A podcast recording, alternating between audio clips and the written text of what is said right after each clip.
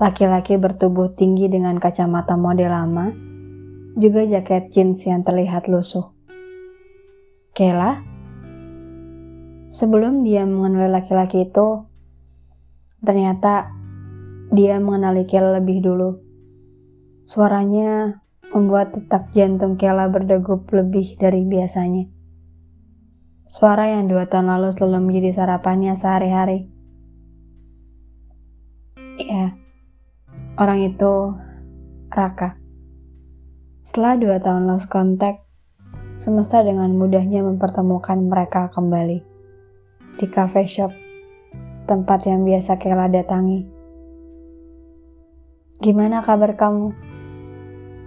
Pertanyaan paling klise yang mungkin harus diajukan ketika dua orang yang pernah saling kenal, menjauh, lalu kembali bertemu. Dulu, Raka selalu menghindari dan benci akan pertanyaan itu. Karena menurutnya, pertanyaan apa kabar akan selalu terjawab dengan baik atau as you see. Tapi anehnya, Hari ini mulutnya secara tiba-tiba mengeluarkan kalimatannya itu. As you kamu sendiri gimana? Senyum tipis Kela membuat Raka percaya bahwa dua tahun ini banyak hal yang terjadi di hidup perempuan itu. Sejak pertama kali Raka melihat Kela di koridor sekolah, ia tahu bahwa perempuan di hadapannya ini tidak seperti yang ia duga sebelumnya. Kela masih perempuan yang sama, yang lebih tangguh daripada dirinya sendiri kira. Perempuan yang penuh dengan kejutan. Aku baik. Padahal, dari kabar angin yang Kela dengar dari Dirga, beberapa kali Raka masih suka berdebat dengan ayahnya, bahkan dirinya sendiri. Laki-laki yang tidak pernah berubah sejak pertama kali ia kenal masih tergambar dengan jelas di ingatan Kela saat ia beradu argumen dengan Raka soal seperti apa hubungan yang mereka mau ke depannya. Ketika Raka memilih untuk tidak menjadikan status sebagai patokan dalam sebuah hubungan, dan Kela yang masih kekeh untuk meminta sebuah kepastian setelah lima tahun mereka bersama. Nggak nyangka, sekarang kamu suka Americano juga. Kela yang Raka tahu adalah perempuan penyuka makanan dan minuman manis. Tidak terlalu suka kopi dengan rasa yang terlalu pekat. Tapi hari ini, Raka melihat banyak hal dari Kela yang mungkin belum benar-benar dia tahu. Pertama kali nyoba itu setahun lalu. Waktu itu, Adrian minta aku untuk coba rasa lain. Awalnya emang terasa pahit, tapi begitu aku coba rasa lain, ternyata ini yang paling pas. Akhirnya nama itu keluar dari mulut Kela. Nama yang mendadak membuat ekspresi di wajah Raka berubah. Masih. Udah enggak. Seolah mereka tahu hal apa yang sedang mereka bicarakan tanpa perlu memperjelas pertanyaan ataupun jawabannya. Kela selalu percaya bahwa apa pun yang sudah terjadi di hidupnya, di masa lalu, masa sekarang, ataupun yang akan datang, pasti sudah diatur sedemikian rupa oleh semesta. Termasuk pertemuan pertamanya dengan Raka hari ini. Tahun kemarin kenapa nggak ikut reuni? Mau ikut sebenarnya, udah dapat undangan juga. Cuman hampir beberapa jam ada kerjaan mendadak jadi harus terbang ke Lampung untuk ngurusin kerjaan di sana. Kela tahu bahwa sejak awal Raka akan selalu memberitahu hal-hal rinci yang memang ia ingin Kela tahu. Seperti waktu mereka gagal pergi bareng karena mendadak motor Raka rusak. Kayaknya aku gak jadi ke sana deh. Mendadak motorku rusak dan gak mau nyala. Besok kayaknya baru dibawa ke bengkel. Kamu gak apa-apa kan? Pasti udah rapi ya. Gimana kalau kita skypean aja? Lalu berujung mereka mengobrol via telepon sampai jam 11 malam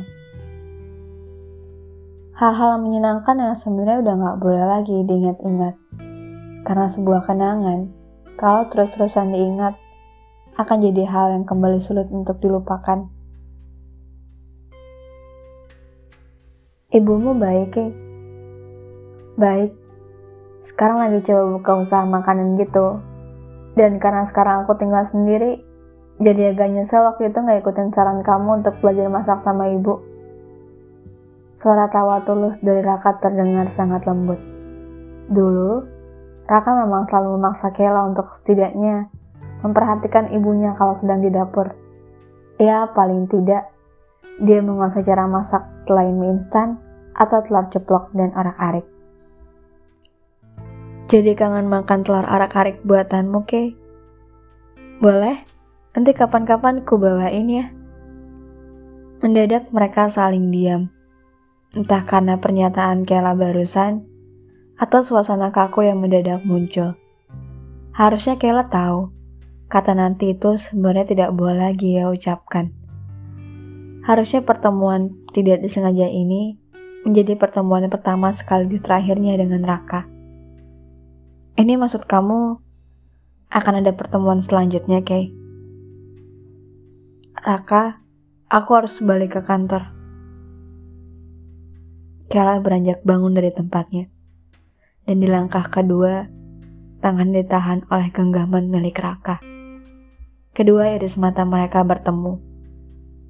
Dalam hati masing-masing, mereka mengumpat hal yang sama. Harusnya ini nggak terjadi. Ini udah jam pulang kantor, Kay.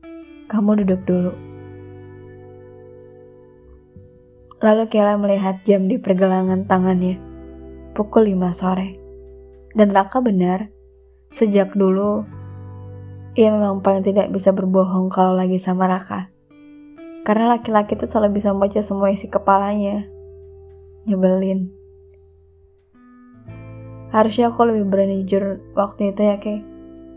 Harusnya aku lebih peka sama perasaanku sendiri. Harusnya aku pilih opsi pertama. Harusnya aku lebih berani buat keputusan. Harusnya aku nggak egois dan berdalih soal pentingnya perasaan kamu. Padahal, hal yang kuambil waktu itu malah lebih merugikan perasaan kamu. Pilihan yang kamu ambil dan rencana yang udah semesta buat itu selalu terbaik, Rak.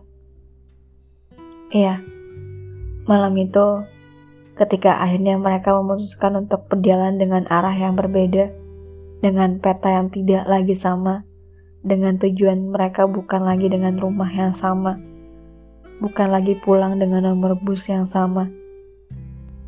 Sulit awalnya bagi Kela untuk terbiasa hidup tanpa Raka, karena saking banyaknya hal dan tempat yang sering mereka kunjungi atau lewati bersama, membuat makhluk bernama kenangan itu sulit pindah dari hidup Kela.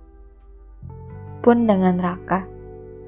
Berhari-hari ia mencoba untuk menerima apa yang sudah ia putuskan. Berminggu-minggu ia berusaha menerima orang lain untuk masuk ke dalam kehidupannya. Tapi menurutnya, tidak ada yang lebih baik dari Kela. Tidak ada yang bisa menerima dirinya lebih dari Kela. Tidak ada yang bisa mengerti dirinya lebih dari Kela. kita pernah sama-sama rak. Dan itu lebih dari cukup buatku.